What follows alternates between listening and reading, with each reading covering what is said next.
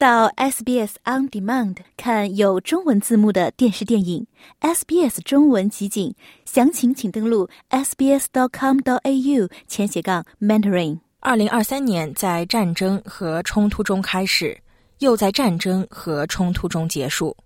俄罗斯于二零二二年二月对乌克兰发动进攻，乌克兰在二零二三年继续奋起抵抗。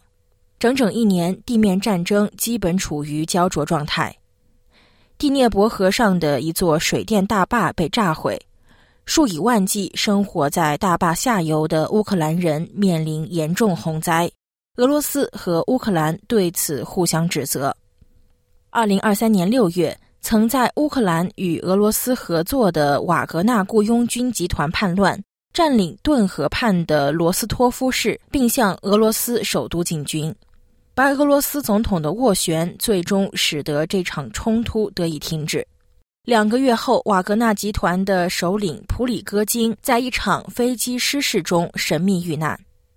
乌克兰总统泽连斯基否认乌克兰与坠机事件有任何牵连，并表示对谁是责任方毫不怀疑。Well, first of all, we don't have any connection with this situation. 首先，我们同这一事件没有任何关联，这是肯定的。我觉得每个人都清楚是谁牵涉其中。国际刑事法院对俄罗斯总统普京发出逮捕令。尽管这与普里戈金之死无关，而国际社会对乌克兰的支持基本保持不变。在美国政坛上，冲突仍然是2023年的焦点。美国前总统特朗普再次成为关注焦点。他不仅抨击了现任美国总统拜登，还攻击了自己所在的共和党成员。特朗普渴望成为下一任美国总统。尽管他因金融交易问题处理机密文件，据称试图推翻上次选举结果而受到起诉。美国前副总统彭斯表示，特朗普要求他优先考虑个人而不是宪法，但是彭斯选择了宪法。I've been very clear. I had hoped it wouldn't come to this. I I had hoped that this issue and the judgment of the president's actions that day would be left to the American people. 我已经表明了我的立场。我本来希望这一切不至于发展到这一步。我希望这个问题和总统当天的行动由美国人民来决定。但是就我个人而言，我希望大家知道，我没有权利推翻选举。总统在那天坚持的观点，以及在过去两年半里一再说的话，都是错误的。与此同时，共和党在任命众议院核心人物及议长的问题上却举步维艰。在经历了自1859年以来历时最长的多轮投票选举之后，麦卡锡于2023年1月7日成为众议院议长。但是到十月份，共和党党团发生分裂，五名共和党人投出反对票，麦卡锡因此下台。又经过四轮投票后，约翰逊取而代之成为现任议长，至少目前是这样。但是谈到混乱局面，美国很难超过英国。英国现任首相苏纳克在接替了特拉斯，后者曾接替了约翰逊之后，成功留任一年有余。但是，苏纳克政府陷入了移民、生活成本、医疗服务、校舍安全以及英国脱欧带来的一系列经济问题。移民问题围绕着一项将寻求庇护者送往卢旺达的计划展开。英国最高法院裁定此举非法，因为卢旺达并非安全国家。对此，苏纳克政府的解决方案是制定法律，宣布卢旺达是一个安全国家。We will take the extraordinary step of introducing emergency legislation. This will enable Parliament to confirm that with our new treaty, Rwanda is safe. 我们将采取非常措施，通过紧急立法确认，根据我们的新条约，卢旺达是安全的。这将确保人们无法通过国内法院提出系统性挑战来阻挠我们的政策。与此同时，英国正面临着通货膨胀和生活成本飙升的压力。民众质疑为什么要花费巨额资金为国王查尔斯三世加冕。保皇党人士指出，王室为英国经济带来的旅游、贸易和代言收入约为三十亿美元。共和派则认为，耗资近两亿美元的加冕礼仅仅是对一个过时机构财富和特权的炫耀。在一个有着上千年历史的仪式中，新国王查尔斯三世在威斯敏斯特大教堂加冕。Will you solemnly promise and swear to govern the peoples of the United Kingdom of Great Britain and Northern Ireland? 主教问道：“你是否愿意庄严承诺，宣誓统治大不列颠及北爱尔兰联合王国的人民，你的其他王国及属地的人民，管理他们的土地，并在统治中尊重他们各自的法律与习俗？” I solemnly promise so to do. 查尔斯三世回答道：“我愿庄严承诺。” Will you, to your power, cause law and justice in mercy?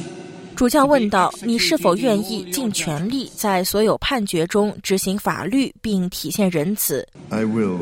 查尔斯三世回答：“我愿意。”在风暴、洪水、火灾、热浪等重大天气事件频发的一年中。最严重的天气事件之一是夏威夷历史名镇拉海纳被狂风吹袭的丛林大火摧毁。这是美国一百多年来最致命的丛林大火，烧毁或损坏了超过两千两百座建筑物，一百人因此丧生。一位当地居民表示：“火势蔓延之快令人恐惧。” There was no warning. I was paying attention on my phone to the news. Okay. Oh, it's so many hundreds of miles south. We're going to have some strong winds. It's going to play havoc with our trade winds. Nothing to worry about. 没有任何预警。我一直在手机上关注新闻。好吧，哦，那是数百英里远的事情。我们会受到强风影响，没有什么好担心的。第二天，风暴过去了，然后我的公寓一片漆黑。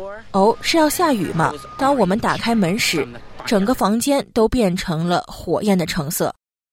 气候变化被指责为火势猛烈的原因，气候学家呼吁立即采取行动，这也是这一年反复出现的重要主题。但是年底在迪拜召开的 COP 二八联合国气候变化大会却让许多人失望，因为大会不愿推动逐步淘汰化石燃料。但是自十月以来，全球新闻都被一个故事所主导。In this bulletin, Israel batters Gaza in retaliation. 以色列为报复哈马斯武装袭击而轰炸加沙，造成至少六百人死亡。哈马斯的袭击让以色列政府甚至全世界都感到震惊。